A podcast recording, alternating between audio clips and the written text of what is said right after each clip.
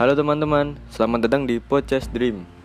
Uh, perkenalkan saya Ahmad Moharabayhanu, mahasiswa Ilmu Komunikasi Universitas Muhammadiyah Yogyakarta, angkatan 2019. Uh, kita berjumpa di Podcast Dream ini membahas topik seputar teknologi penyiaran. Nah, apa aja sih syarat penyiaran dan teknologi apa aja yang digunakan? Jadi itu ada lima.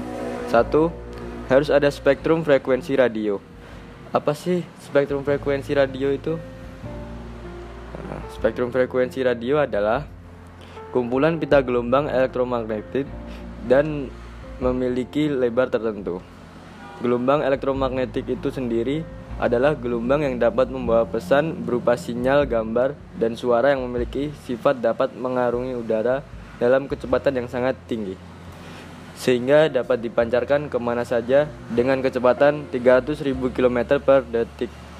Setiap gelombang elektromagnetik memiliki frekuensi tertentu dalam satuan Hertz. Suara yang dapat diterima oleh manusia memiliki frekuensi yang sangat rendah, yaitu 20 Hz sampai 20.000 Hz. Itulah yang menyebabkan saluran gelombang dapat dipisah-pisah antar stasiun. Nah, lalu yang kedua, sarana pemancar. Uh, sarana pemancar terdiri dari mikrofon yang mengubah bunyi menjadi sinyal listrik.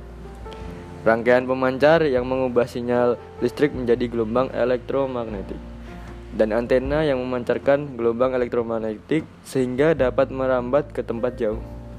Oleh karena itu, pemancar radio dan televisi dapat kita tangkap setelah melalui rangkaian proses tersebut. Teknologi pemancar radio itu sendiri ada amplitudo modulasi dan frekuensi modulasi. Terdapat sistem pemancaran yaitu sistem pemancaran terestrial dan sistem pemancaran satelit. Sistem yang sekarang banyak digunakan adalah sistem pemancaran satelit karena lebih jelas dan jernih.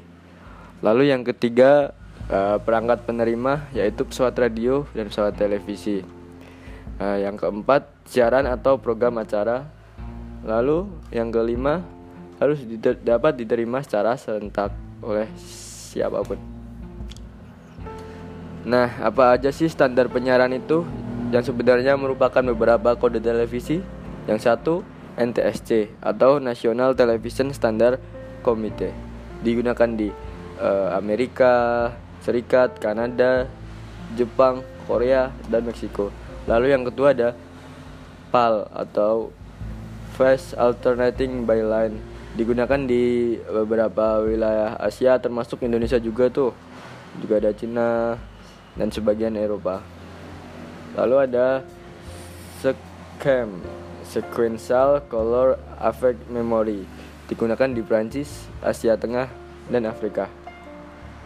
Nah, lembaga penyiaran itu sendiri ada penyiaran publik, komunitas, dan lembaga penyiaran swasta. Oke, sekian untuk pocket kali ini. Saya Ahmad Marabahanu.